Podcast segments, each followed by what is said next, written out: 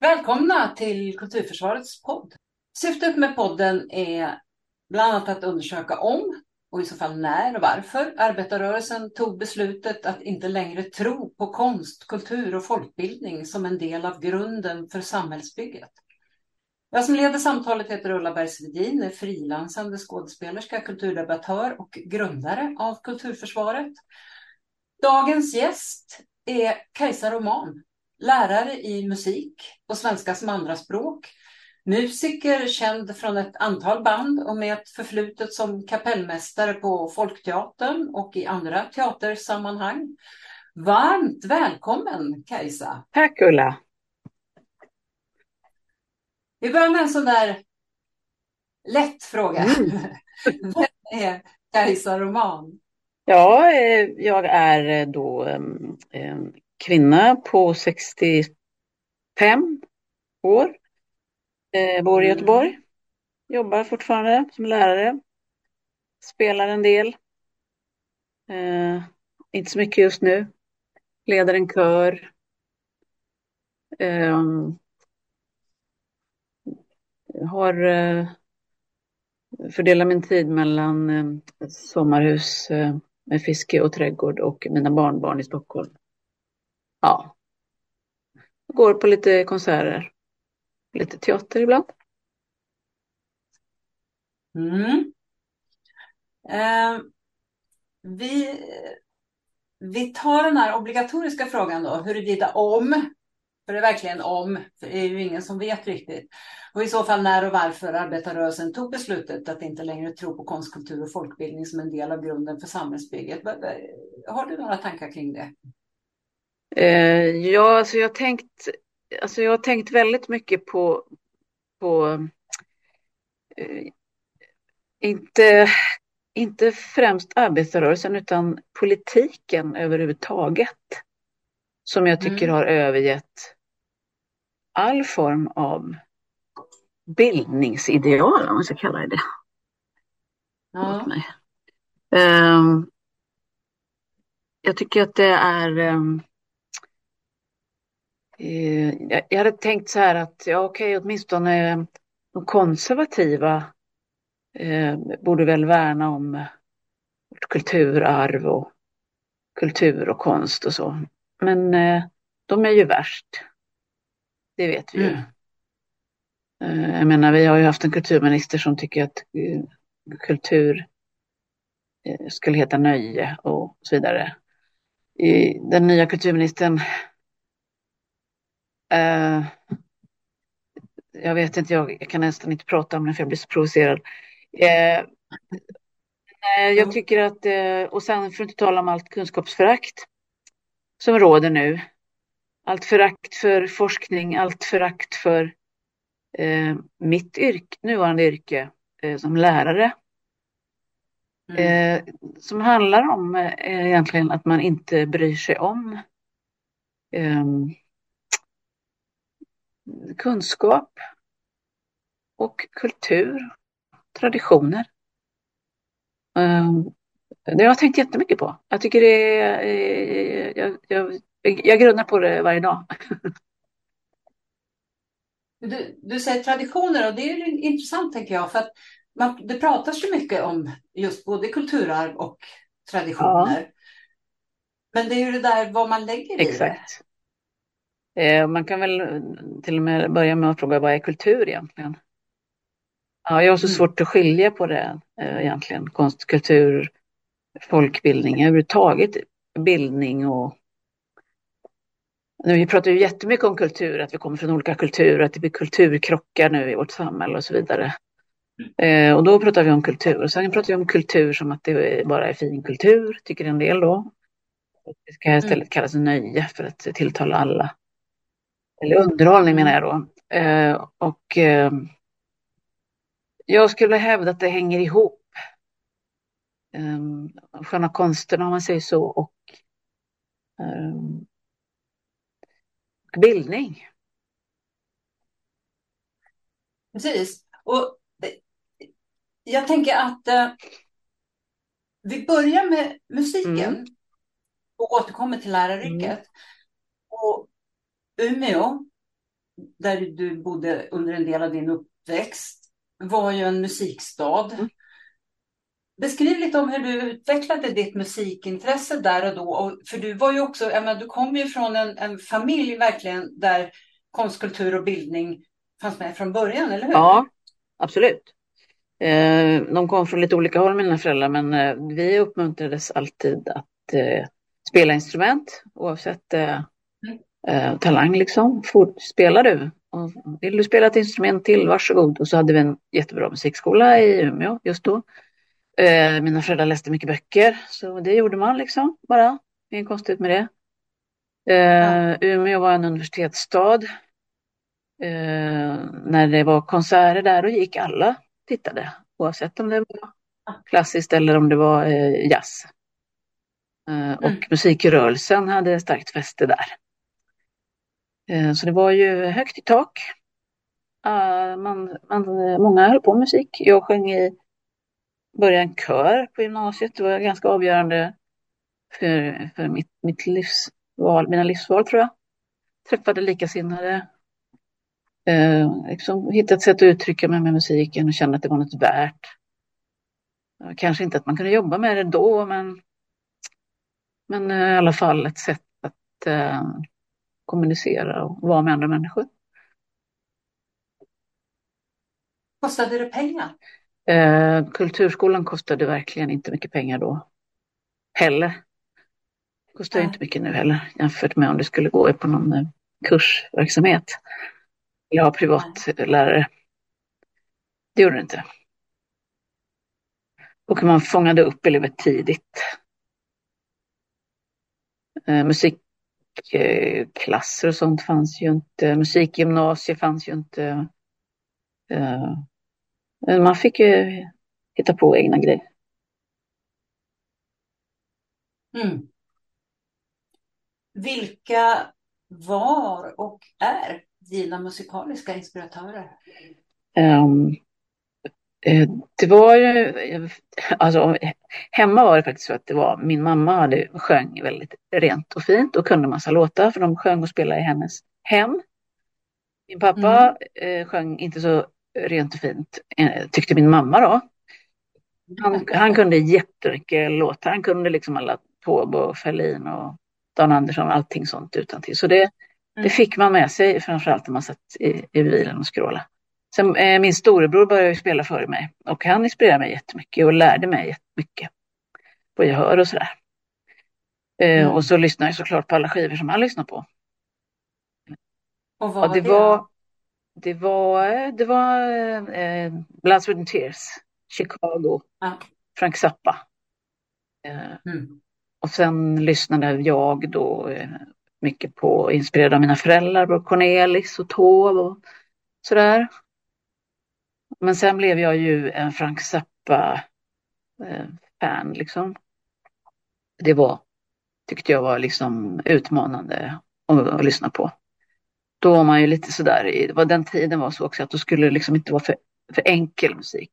Simpel då i mina ögon, utan det skulle vara lite komplicerat. Hända mycket. Men eh, Frank Zappa var bra för att det är också en stor portion humor i hans musik. Mm. Så det var viktigt. Mikael Rammer. Povel Rammer ska vi inte tala om. Mm. Mm. Och alltså Tage såklart. Ja. Just det. det. Det är ganska imponerande samling förebilder. Ja, det är det. Ja. Och det är väl det som är ganska typiskt för dem alla uh, nästan är ju att det är väldigt mycket text uh, och, och, musik ihop liksom. Ja, just det. Texten är lika ja. viktig som musiken. Uh, ja. Och vad ska jag säga, text, lek med ord och text. Så. Oh, Lennart Helsings alla barnvisor. Ja, jag vet inte var ska jag ja. börja. ja, verkligen. Alltså det, och det var inget konstigt. Vi, vi var ingen eh, fin akademisk familj. Eh, men vi hade det här hemma. Det var lika naturligt som att äta och, och sova. Och att man sjöng och spelade och lyssnade på musik. Så var det. Ja, det skulle man önska att det var så för Eller hur? Verkligen. Mm. Vilka instrument spelar du? Ehm, jag började med fiol, det slutade jag efter två besök. Sen började jag spela blockflöjt istället, spelade jag flera år. Sen spelade jag, började jag spela piano då istället. Och sen spelade jag även mycket tvärflöjt, lite fiol igen, men då var det folkmusik. Ja, sen hade jag en period när jag gick musikutbildning där jag eh, spelade, lärde mig lite trummor, lite sax och lite, en del elbas. Eh, ja, sådär. Prova på allt. Allt är möjligt. Dragspel? Ja, men dragspel också. Mm. Men det kom, det kom in ganska sent. Ja, ja. Du nämnde här i början att du spelar lite nu också. Eh, hur många band har du spelat i? Genom åren? Ja. Oj, oj, oj. Ja, det måste ju vara 15 kanske. Mm. Ja. För det där är väldigt vanligt, eh, har jag märkt i mina kontakter med musiker, att man, man spelar en väldig massa band. Ja.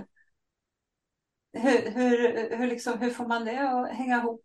Ja, alltså försörjer man sig på som helt som frilansmusiker, då måste man ju det för att få, få ihop det. Uh, sen har ju jag inte försörjt mig som frilansmusiker riktigt på det sättet genom att spela i band. Det har jag aldrig gjort. Jo, kanske förresten deltid när jag var med i Simbi, ett världskulturband. En period i alla fall. Men ja. uh, världsmusikband. Men uh, ja, alltså, är man, de som, som är musiker på det sättet, de måste ju vara med i flera band. Ja. Absolut. Men har det varit liksom lustdrivet för dig annars då när du har eh, gått in ja, i absolut. Konstellationer sådär? Det har faktiskt bara varit lustfyllt. Det har aldrig varit eh, någon slags brödjobb. Ja, för jag tänker också just det där när man har, när man har en, egen, eh, en egen musikalisk vilja och stil och så, så, så måste det också vara lite speciellt att smälta in i olika sammanhang. Ja, precis. Om man, eh, om man nu vill, alltså, om man nu vill som jag då ville skriva lite egna låtar och egna texter, då, då får man ju göra sitt eget sammanhang liksom. Ja, precis. Du, eh, precis, berätta om det. Du, du eh, började skriva texter redan i Umeå, va? Ja, faktiskt. Vi hade ett, det var mitt första band som jag var med lite plusgrader. Och där skrev vi lite, skrev lite, ja, lite text, men mest musik då. Och sen blev det mer när jag började, började flytta till Göteborg och började på SÄMUS som det heter. Ingick det i utbildningen där att jobba med text? Nej, det gjorde det faktiskt inte. Nej. Inte alls? Uh, och jag skrev väl inte jättemycket då, men jag, då var jag inne på, eh, läste mycket dikter och försökte tonsätta dikter och sådär. Det var Sonja Åkesson och sånt här jag läste då. Eh, ja, så försökte jag väl skriva lite text själv. Men jag har aldrig varit någon poet liksom. Utan jag har väl gjort text och musik ihop sådär. Hela tiden. Eh, skulle jag nog vilja säga att du, att du är bra på att få ihop texter. Ja, jag vet inte vad du har för texter som du vet om som jag har skrivit. ja, vi, vi, vi, vi har ju arbetat ja, ihop när du har skrivit text. Men det var ju mest du som skrev det... texter, allvarligt talat. Ja, inte. Vi skrev en hel del ihop. Ja, det gjorde vi i och för sig. Skrev ju också i, i lite olika sammanhang. Så att jag, och dessutom var det väl med och skrev texter i Tappra mödrars kapell. Ja, just det. Kan du inte berätta om Tappra mödrars kapell? Eh, Ja, det var ju eh, mm, tre personer. Först var det var de två. Eh, och sen eh, efter några år så kom jag med då. Då var det piano, fioler och sång. Och så kom jag med på dragspel och sång. Och eh, då eh, var det ju hon som spelade fiol som skrev allt material. Men då kom jag igång och skrev också. Ja. Eh, det var ett, vad ska man säga, ett forum som passade mig då för att det var eh, vad ska man säga, någon slags eh, kabaretstuk på det. Mm, ja. Där det var väldigt eh, underhållande, underhållande sväng, svängig musik. Eh, men också ja. mycket text. Ja, feministisk. Eh, kanske, tack. kanske. Och lite politisk. Eh, inte så politisk, men jag vet inte vad jag ska kalla. Personligt i alla fall. Personligt i alla fall. Ja. Eh, och eh, mycket eh, skoj, skojigheter. Ja. ja. Uppfriskande. Ja, det tror jag det var. Tycker jag att det var. Uppfriskande, underhållande och uh, Ja, men det var nog bra. Det var lätt bra.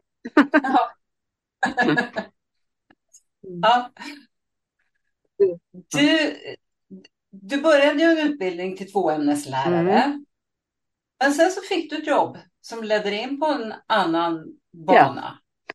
Ja, då var det faktiskt en gammal eh, kursare från Semus som sa att uh, jag har ett jobb här på Folkteatern besöker men uh, jag behöver ta ledigt från det och kan du hoppa in för mig? och då var man ju så galen på den sidan som man bara hoppade rakt in i den tunnan. sådär, ja visst, det här låter spännande. Så då gjorde jag det. Och, sen ja. blev jag ju kvar där flera år. Ja. ja. Och det var där vi eh, träffades. Ja. Och eh, började arbeta tillsammans, vilket ju var väldigt, väldigt roligt. Ja, jag. det var det. Du var ju också, tycker jag, en väldigt bra teatermusiker. För det är ju, tycker jag, ett yrke som kräver ett särskilt förhållningssätt till både, framförallt kanske till oss eh, skådespelare. Mm då är så att säga just skådespelare och inte sångare. Mm. första hand. Eh, vad, vad, vad, var det som gjorde att du ändå till slut valde bort teatern för pedagogrollen? Um, ehm. alltså man skulle, jag skulle ju kunna säga, eh, det finns ju flera orsaker såklart. En orsak var att jag liksom jag kände att eh, ska man jobba med teater då ska man banne mig vara skådespelare. Alltså eh, allt annat eh, servar bara skådespeleriet. Eh, dessutom, ja, jag behövde kanske få lite eh, stadigare inkomst och sådär va. Jag hade barn och Men den eh, tråkiga sanningen är egentligen att jag kände inte att jag var så bra på det. Helt ärligt. Jag tänker, jag kände liksom att jag riktigt eh, fattade hur jag skulle göra. Jag kunde nog vara en, en följsam ackompanjatör, men liksom jag kände inte att jag kunde skriva bra teatermusik. Och, ja, och sen, ja det, nej. Det, det, det tog för mycket på mitt självförtroende liksom. Ah, det är tråkigt att höra. Ja, det är det ju, men det är väl samtidigt. Um, det var ju mycket som var kul eh, med det då. Jag ångrar liksom ingenting av det jag gjorde, men. Men om man känner för mycket att. Nej. Jag är inte någon riktig konstnär liksom. Då, då blir det ju för mycket självtvivel och det. Alltså och inte heller då eh, någon slags, den riktiga passionen för teater. Mm. Men eh, fanns det också, jag menar, det där tvivlet, det tror jag du delar med väldigt många i olika i olika yrken. Jo, eh, det, det. Och då tänker jag att eh, det kanske också beror på att det har ju aldrig, eller det finns väl mer nu än vad det fanns då någon slags utvecklat eh, forum för och möjlighet att prata om sådana saker. Ja. Som, som eh, självtvivel och eh, att också få ha möjlighet till, till kompetensutveckling till exempel. Ja. Eh, om man känner att man är i behov av det. Jo. Istället för att bära på sådana saker själv. I och för sig. Eh. Men visst är det, och det jag fattar är att i, i nästan alla yrken och framförallt i de konstnärliga så är det ju jättemycket självtvivel och så här, dåligt självförtroende. Men då, då har eh, de som ändå håller på och inte ger upp, de har ju en, de kan liksom inte tänka sig att göra något annat, tror jag, många gånger. Nej, så, så kan det vara. Och det kände jag inte uh, riktigt. Nej. Uh, sen var det väl också så att jag jobbade ensam för mycket. Mm. Jag var ensam musiker på jättemånga produktioner. Det är ju inte kul alltså. Nej, det, det kan jag verkligen förstå. Det är som att vara ensam bara göra monologer liksom. Ja. Musik, precis som eh, skådespeleri, det är ju liksom samspel. Det. Eh, och det är klart att det blir samspel med, mellan skådespeleri och musik, men det, ja. det vi förstår ju inte varandra riktigt. Om jag säger så. Just det. Vi talar inte Nej, samma språk. Nej. Nej, men det, det är... Jag tycker det är viktiga saker du säger här eh, kring hur man behöver tänka när man tror kanske att man är, att man är en grupp. Ja. Och så är det någon som inte känner det. Nej, just det. Mm. Mm. Ver verkligen. Eh, du arbetar ju på Nordhemskolan i Göteborg ja. som har musikprofil, så det finns musikklasser. Vad, vad innebär det för vilka som går på den skolan som har elever från förskola till nionde klass? För det finns ju undersökningar som visar att barn och unga som går i kulturskola och på estetiskt gymnasium har minst en förälder med högskoleutbildning och de flesta är flickor och får invandrarbakgrund. Hur ser det ut hos er? Ja, det är precis så. Eh, jag undervisar ju svenska som andraspråk och eh, det är till och med så när man lägger schemat nu att eh, man försöker parallellägga all svenska i olika årskurser så att de som behöver svenska som andraspråksundervisning kan man göra grupper av så att de om, man, om du förstår att alla, sju, alla som går i sjuan kan, kan gå till mig när de har, alla andra har svenska men musikklasserna har lagt schemat helt annorlunda. Så jag kan, alltså, man räknar kallt med att det finns inga invandrarbarn i musikklasser.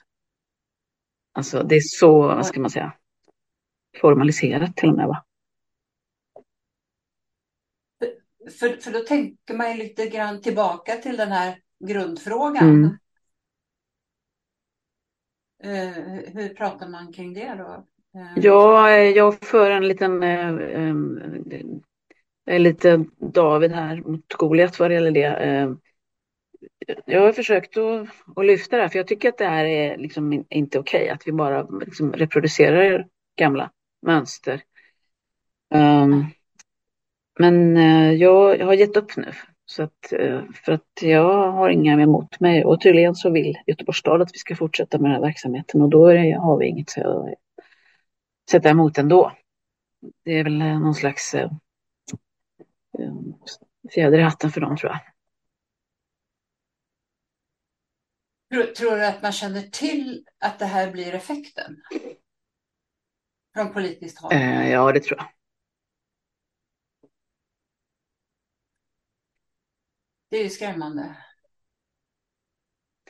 Ja, det är ju så på många ställen. Och det kan du ju överföra på en massa andra saker. Var folk bor eller vad de jobbar med. Liksom. Um, jag vill att mina barn har uh, leker med barn som är lik, likadana som de själva. Och deras föräldrar är likadana som vi.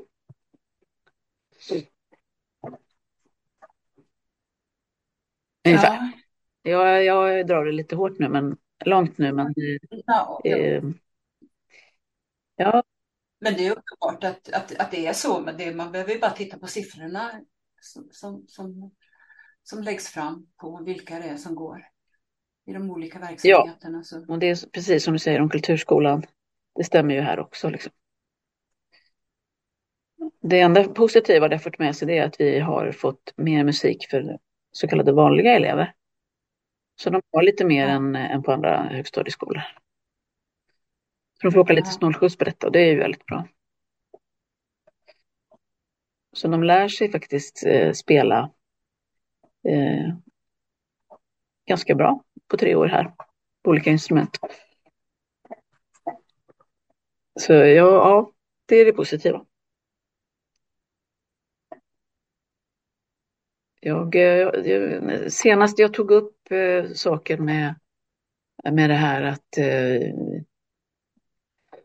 vi har, okej, okay, vi har musikklasser, vi har fått order att vi ska ha musikklasser, men kan vi inte ändå eh, göra om eh, de här antagningarna så att vi eh, når fler? Det är lite ja. som man ropar får man svar, va? man gör antagningsförfarandet så, så att det är bara vissa som söker och vissa som kommer in. När jag, för, så lite bättre har det blivit, men när jag tyckte att, men märker ni inte att det, vi har ju inga med invandrarbakgrund i musikklasserna? Så blev reaktionen att om vi kanske skulle kvotera in några. Eh, och då eh, kände jag att nej, jag, jag kommer inte längre här. Hur ser antagningarna, antagningarna ut då, så att det blir det här resultatet? Eh, de... Eh,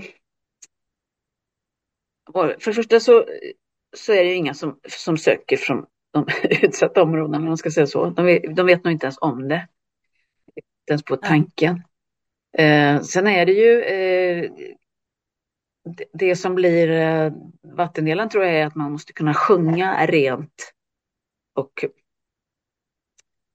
klart. Och, jag, och så att säga, det man spelar och sjunger är liksom i vår, eh, i vår västerländska tradition, om vi säger så. Mm. Okej, okay, så man, får man kan inte välja en egen, eh, något jo, eget? Jo, det kan vi göra. Så att säga. Men ja. det, det, är ju ingen som gör det. Eller... Nej. Man försöker leva upp till det man tror. Ja, alltså de, jag tror inte de söker ens. Det är liksom... Nej. Och sen så behöver det ju inte alltid vara att, äh, alltså att kunna sjunga rent och klart. Det, det är väl fler som kan det nu. Eh, mm. Det behöver inte vara eh,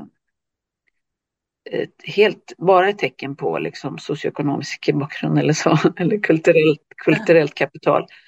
Men det är fortfarande väldigt mycket så att det är i utbildade hem som man, som man sjunger. Mm. Det, tyvärr. Vad, skulle, vad skulle det krävas? Alltså, för nu, nu ser ju varenda skola sig oavsett om den är kommunal eller privat som, som något som ska marknadsföras. Man ska ha ett varumärke ja. så att säga. Vad, vad, skulle krävas tror du eh, för att eh, presentera sig som en skola till för alla, verkligen på riktigt? Eh, med musikprofil menar du? Ja. Hur skulle man kunna nå ut? Eh, ja, det skulle man ju kunna. Men eh, vill man det? Vill man att det ska... Alltså jag är ju inte för fria skolvalet överhuvudtaget. Eh, jag är inte för att man går i skolan långt ifrån där man bor. Um, så för mig är det lite... Um, ja, det är nästan en, eh, inte en fråga för mig att svara på. Men då skulle man behöva ha musikklasser i, i Angered, ja. Hammarkullen. Man skulle ha mer musik, man skulle ha mer musik på alla skolor. Det är väl det som jag tror på. Och tidigt ja. liksom. Ja, mm. precis. Mm. Och det är mindre nu än vad det var förr. Jag har en känsla av att det är mindre nu än vad det var i den lilla byskola jag gick. när jag var barn. Ja, och det, exakt det är jag övertygad om. Alltså, de som går lärarutbildningen nu, de behöver inte lära sig spela någonting. Mm. Det, var, det fick ju alla göra, antingen eh, orgel eller gitarr. Eh, lågstadielärare. Och mm. mellanstadie också säkert tror jag. Eh, visst var det så? Mm. Eh, det, har ju, eh, det är nog eh, väldigt mycket slumpen som avgör hur mycket du får. Mm. Om du har eh, förskolepersonal som kan sjunga då bra, eh, kan kompensera för att man aldrig sjunger hemma och, och så vidare. Mm. Vi, vårt, vi har ett ja. kompensatoriskt uppdrag, men eh, det bortglöms ganska ofta bort tyvärr. Jag tycker det är vårt viktigaste uppdrag. Verkligen. Mm. Precis som du har varit inne på, sång är ju också ett instrument och du har sagt i en artikel mm. om det och ditt arbete att alla elever kommer inte från musicerande hem och en del tror inte att de kan sjunga alls. Mm. Men du ville träna deras röster som vilket instrument som helst och se vad det kunde leda till. Och från början har det viktigaste varit att bygga upp ett förtroende för att sjunga är att blotta en bit av sig själv och kan vara känsligt och därför blir segern också desto större när eleverna vågar. Mm. Det är så fint. Så vill du utveckla hur du tänker och arbetar? Um, det där var faktiskt uh, en av få positiva sakerna med pandemin. Att mm. när vi hade då uh, distansundervisning, vi hade det varannan dag, uh, ganska lång tid så fick vi hitta på liksom, uppgifter som de kunde göra hemma. Och då blev det här med sång en väldigt bra grej när de fick uh, sitta hemma och sjunga. För jag menar i mm. tonåren är det jobbigt att inför andra. Ja. Har, uh, lyder den inte och det händer grejer hela tiden. Så det var den första uppgiften, första jag provade var välj någon låt som du gillar. Uh, och så sjung, spel, sjunger du in den och så kan du ha liksom skivan i bakgrunden. Så, att du, så ska du lära dig texten och så ska du titta in i kameran och sjunga för mig. Jag, det är bara jag som ska se det. Och det var ju helt underbart. Eh, mm. För då plötsligt så vågade ju alla. Och för mm. då får de också välja eh, favoritmusik och sådär. Och då kunde man också prata om att ja, nu har du valt den här låten och du är tjej och det är en kille som sjunger och därför är det svårt att hitta kanske rätt läge att lägga rösten. Och så kunde man resonera kring det och sen gjorde man om det så blev det bättre och bättre. Och, ja, då blev ju liksom rösten ett instrument som alla andra. Så inte blev så laddat liksom. Inte blev så hopkopplat med personligheten och personen. Ehm, mm. Så det var ett bra startskott. Och då visste jag ju liksom att uh, du kan sjunga, du kan sjunga, du kan sjunga, ni kan sjunga allihop. Nu kör vi. Och eh, mm. då hade jag ju just med den klassen så var de ju med på en konsert i slutet i nian och sjöng solo flera gånger. Alla var uppe på scen. Uh, jättemånga sjöng solopartier. Mm. Och hade aldrig i hela sitt liv stått på en scen. Det var ju min, eh, min svenska popkören, den pensionärskören som vi har. Så det blev ja. också väldigt fint att se dem ihop. På scen. Ah. Så det var, nej, det var, det var, det var riktigt bra. Ja. Du, när vi pratade innan så berättade du om en eh, speciell tjej som överraskade ja, dig. Ja, det var just med, med tanke på det här med, du tänker på hon från eh, Somalia?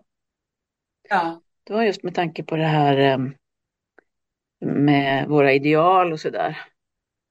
Mm. Um, sångideal för att hon eh, trodde ju inte att hon kunde sjunga någon. Eh, först så, skulle, så sjöng hon någon pop, poplåt liksom. Det lät jättemärkligt.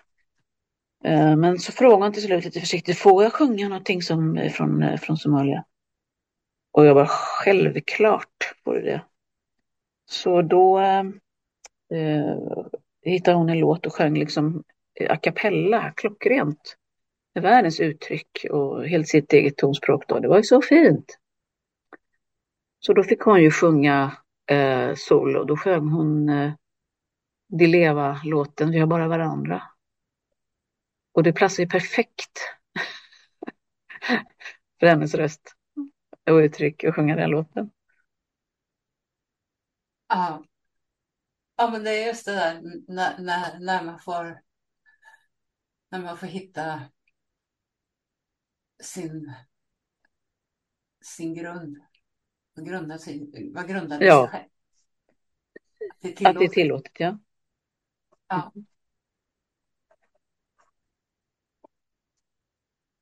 Hur är det med dina elever då? Har, har de musiklärare eller professionell musiker som yrkesmål?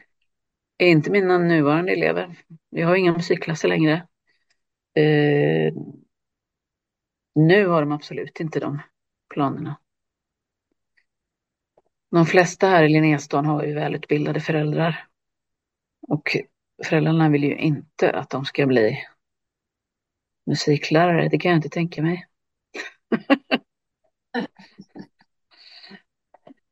Nej då, jag har haft eh, ganska många elever som, som visar sig bli lärare sen. Men just nu har de i alla fall inga sådana planer. Kanske, kanske någon som har drömmar åt det hållet, men kanske inte Nej, vågar precis. Mm. Mm.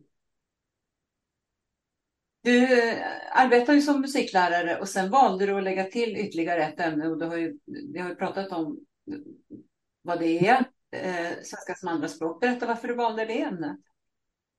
Um, ja, men jag... Eh, ja, det var både praktiska orsaker och eh, av intresse.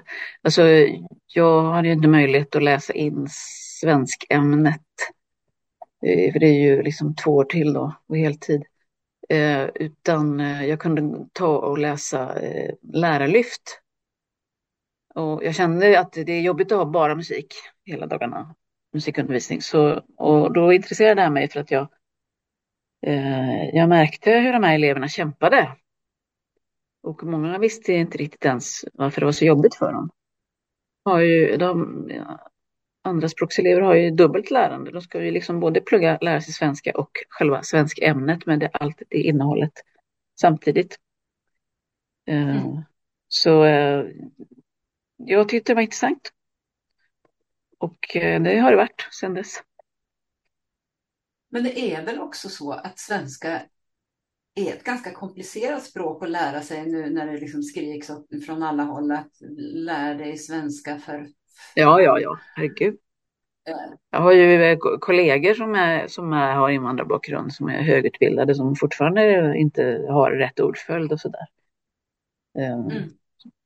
Men eh, så visst är det svårt, det är jättesvårt språk. Men det beror ju på också var du kommer ifrån, vad du har för studiebakgrund och vilken språkgrupp du kommer ifrån. Eh, Mm. Verkligen. Mm. Men visst är det svårt. Men arabiska är fan i mig hopplöst. Ja, jo, men jag, jag har förstått det. Jag kom i kontakt med en man i ett integrationsprojekt som jag höll i. Han, han, han kunde alltså sex språk, Ja, men att svenska är omöjligt att lära Ja. sig. Jag har försökt, det nej. går inte. Jag menar, om man är så pass språkbegåvad som man kan sex språk, Mm. Tänker man att det är liksom varken lättja eller brist på begåvning, utan det har någonting att göra med att det är väldigt svårt. Ja, ja, det är det. Det är det absolut. Eh, kan du använda musiken i språkundervisningen på något sätt? Mm. Alltså inte så mycket som jag hade trott. Jag trodde jag skulle kunna jobba lite mer med, med låtar på svenska och texter och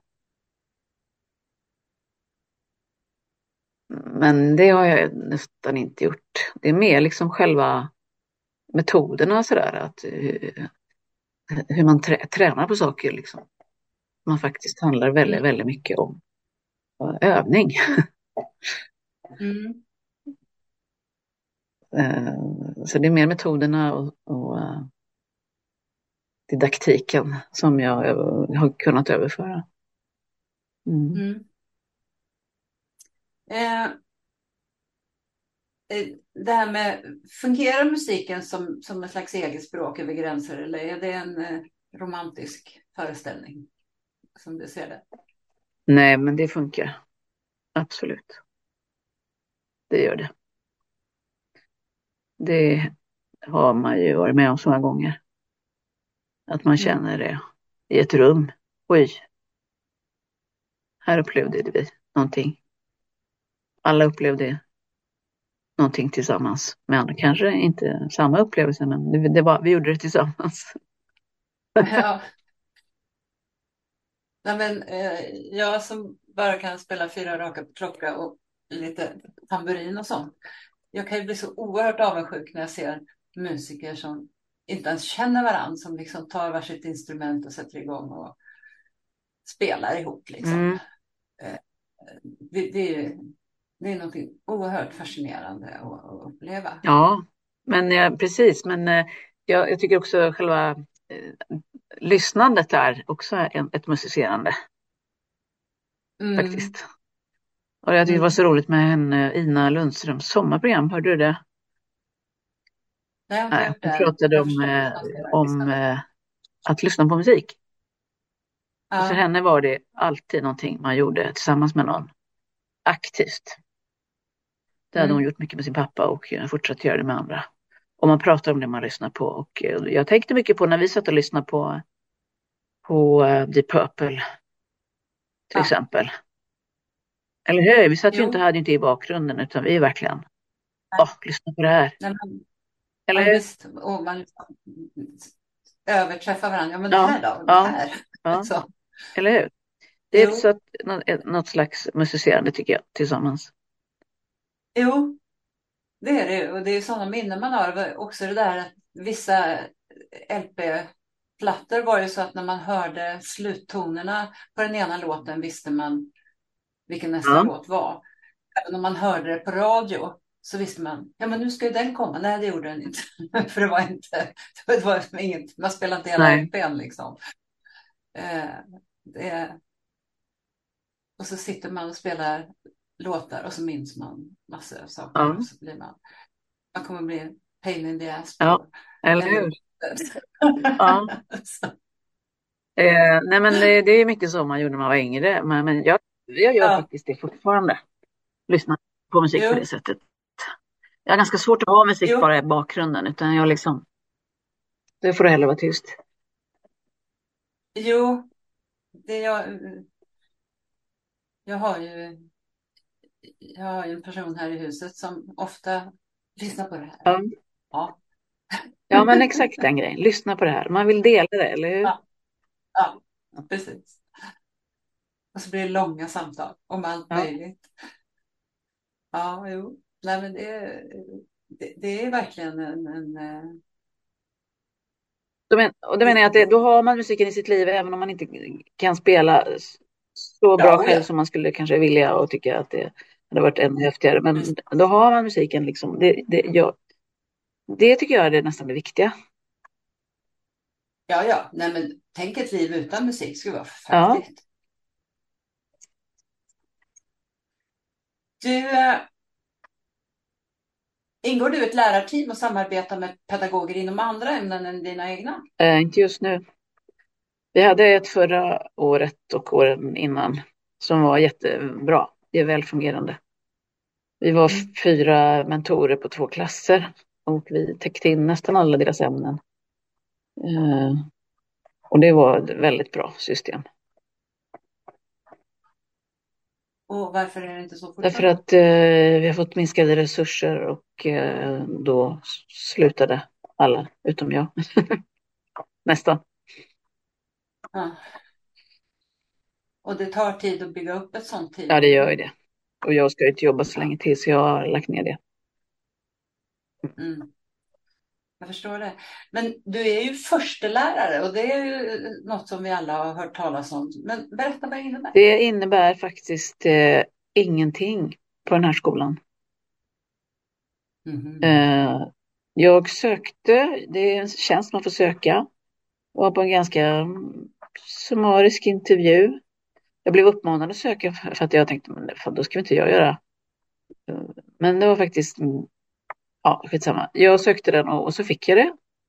Men eh, jag frågade i intervjun vad innebär det riktigt? För det fanns ingen riktig arbetsbeskrivning. Och inte ens i intervjun så kunde de tala om riktigt utan de sa att det är upp till varje rektor vad det ska innehålla. Eh, så Mm. det är olika på olika skolor. Ja, Oj. och jag tror kommunen försöker, staden försöker bli av med oss för att man insåg att det här var inget bra. Det enda positiva jag fått, fått med sig tror jag är att eh, lönerna har höjts för alla lärare. Ja, Vi ja. fick ju mer lön då och eh, då blev det liksom en, eh, ett incitament att höja allas löner. ja, just det. Ja, för jag tänkte att ja, men vad bra, då, är det, då tar man tillvara de som kan vara, fungera som mentorer Ja. eller som liksom idé, alltså komma in med idéer i, leda kanske sådana här team och så vidare. Ja, Så föreställde jag mig att det Ja. skulle vara. eh, visst. Men vi har, eh, vi har haft en rektor tills nyss som tyckte att det, så gör vi inte här. Det var därför jag tyckte det lät så bra att, att du var första lärare. För att tänka, vad bra med någon från eh, en musik eh, som har musiklärare också, med musiklärare också som första lärare. Det är ju innovativt Ja. Eh, nej, minsann. Nej. Du, du nämnde ju Svenska popkören. Du eh, driver tillsammans med din sambo Mikael Isaksson som ju är musiker på heltid. Berätta om den kören om vad ni gör. Du var inne på det lite tidigare. Eh, ja, eh, vi började för 13 år sedan nu. Och eh, vi har överlevt eh, oss själva flera gånger. Eh, överlevde pandemin och Mm. diverse andra saker. Kommer tillbaks hela tiden. eh, det är en kör med, med gamlingar som sjunger eh, ung musik. Kan man säga. En gammal människas liv möter en ung människas text är vårt motto. Så eh, man får absolut inte vara under 65 år. Eh, vi försöker hitta hela tiden så färska eh, svenska poplåtar på svenska som vi bara kan. Och så eh, när vi har konsert då eh, har vi ju ganska många, har vi solister på nästan alla låtar och vi är körmedlemmar. Och sen har vi eh, proffsmusiker som kompar. Så det blir, Mm. det blir lite ös. Mm. Ja, jag har sett, eh, jag har sett här klipp och så. Det ser väldigt Ja, det är, ut, folk, alltså. folk, blir, folk som tittar på det säger alltid jag har aldrig sett något liknande. Det här var ju fantastiskt. Ja, det går inte Ja. att beskriva. Men eh, vi, vi spelar på Möllan den 4 december kan jag säga nu. Ah, ja, ja, det är väl jättebra. Eh, jag ska lägga en länk till eh, i, i presentationen av det också. Till, så att eh, man kan gå in och titta. För att eh, ja, det, det, det var verkligen också så här livgivande att, att titta på. Ja, det är väldigt kul alltså, att möta de här människorna varje vecka. Ena stunden så tycker man nej, jag orkar inte mer. De kommer ju inte ihåg någonting. De är ju gamla, va? De, är ju, de flesta är ju runt 80 nu. Eh, och eh, helt amatörer. Har aldrig, har aldrig uppträtt och så förut. Men de pushar varann och, och eh, ja, de eh, överträffar sig själva liksom. Igår, igår, Ja. igår provade vi en, en, eh, en, en Kapten Röd-låt. Ja. Eh, där det var en kill, en man som, är, som plötsligt eh, sa att jag kan tänka mig att sjunga solo på den. För det hade vi inte hittat någon ännu. Så ja, okej. Eh, så steppar han upp och ställer sig i mikrofonen. Så visar det sig att han har lärt sig hela texten. Eh, Det är ju en, en jag ska säga, som en rap. Så han stod Ja. där och ja, han tog sig igenom hela och alla, alla bara jublade liksom. Och han blev lite i ansiktet Ja. så sa han. Jag är, ja, det var roligt. Jag är, jag är 81 år. Jag har aldrig någonsin uppträtt förut. Mm. Ja, helt underbart. Det, det är det där jag känner på mig att eh, om jag någonsin ska bo på ett äldreboende, jag kommer göra dem allihopa gråhåriga och vilja slänga ut mig för att jag kommer ju kräva en väldig massa saker ska finnas Ja, där. Det är bra. Und- Jättebra. Det borde ju finnas Ja, överallt. ja, ja. Men då blir väl alla alldeles för gamla så det blir för dyrt. ja. Vi får leda oss själva tror jag. Eller Ja. hur? Ja. Tro, troligtvis. Verkligen. Det, det stod, det såg jag att ni, ni sökte sopraner. Och då tänkte jag, jag sjöng i kyrkokör när jag var tonåring. Ja. Och då var de ju överlyckliga över att jag och min kompis kom, för då var ju vi sopraner. Eh, och då var ju de minst altar, de Ja. andra kvinnorna som var med, de var ju mycket äldre, de var ju ungefär Ja.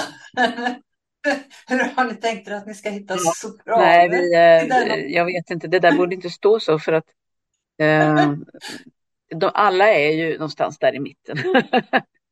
Ja. Jag tänkte jag kan anmäla mig som Ja, tenor. Och, basarna får ju inte sjunga bas. Ja, de flesta är ju bariton naturligt sådär. Ja. De flesta är bas. Men vi tvingar ju alla gubbar att sjunga tenor för pop ska ju sjungas i ljust va? Och starkt. Ja. Så eh, de får jobba hårt kan jag säga. Mm. Ja. Nej men sopraner har vi. Vi, vi har några äkta faktiskt. Ja. Inte första sopraner direkt. Jag blir så full i skratt. Ja, då har jag kommit till min avslutande fråga. Ja.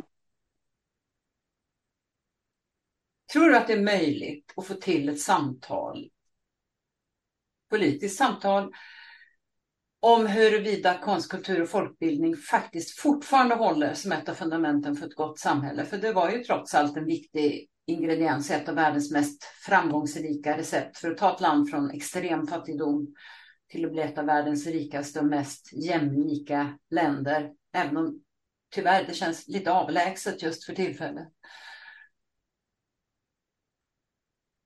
Ja, alltså det, det måste till ett samtal. Jag tror att eh, det, det med tiden kommer att visa sig att det är där vi måste börja. Ehm, det, det, det jäser ju nu när, när man eh, pratar om allt som är så hemskt med ungdomar och kriminalitet och invandrare och allt vad det är. Och sen eh, med andra handen så skär man ner på, på kultur och skola.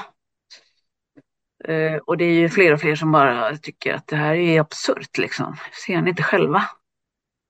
Eh, Mm. och jag känner att det, det är ju precis det vi måste diskutera. Och vi måste ehm, vi måste få mandat att göra det vi kan. Vi som jobbar med kultur och utbildning. Vi har inte det nu. Utan eh, eh, samhället visar att ni är inte viktiga. Och vi som st- står och ser precis vad som händer med våra ungdomar och vet vad vi skulle kunna göra, vi får inte göra det. Vi får inte det mandatet. Um, och där, vi måste börja där. Och utifrån liksom det som händer i samhället. Vi måste börja där. Vi som kan det här, det är ju vi som ska göra det. Vi får ju alltid skulden för allt som går åt helvete, vi som jobbar i skolan till exempel. Men vi får, får aldrig möjligheter att göra någonting. Vi får ju liksom inte förtroendet att, att göra något. Nej. Så ja, men jag tycker det är superallvarligt och såklart. Och eh, tror att eh, tiden snart är mogen för att prata om det. Ja, det kan ju möjligtvis vara så att det är något gott som kommer ut av det här. Kanske. Det låter som en hoppfull avslutning. Ja. Stort tack Ja, men tack själv. för att medverka. Kul att höra din röst. Ja, detsamma. Ha det bra. Och tack för att ni lyssnade. Och den som vill veta mer om Kulturförsvaret och om kommande poddar kan gå in på kulturförsvaret.se. Poddarna hittar ni på sidan och där poddar finns. Om ni vill gå med i vår Facebookgrupp så är det bara att gå in och ansöka om medlemskap. Gruppen är öppen för alla som är intresserade av konst och kultur och som tycker att det är viktigt att konst och kultur och fri press och media diskuteras på samma villkor som andra politikområden. Tack och på återhörande.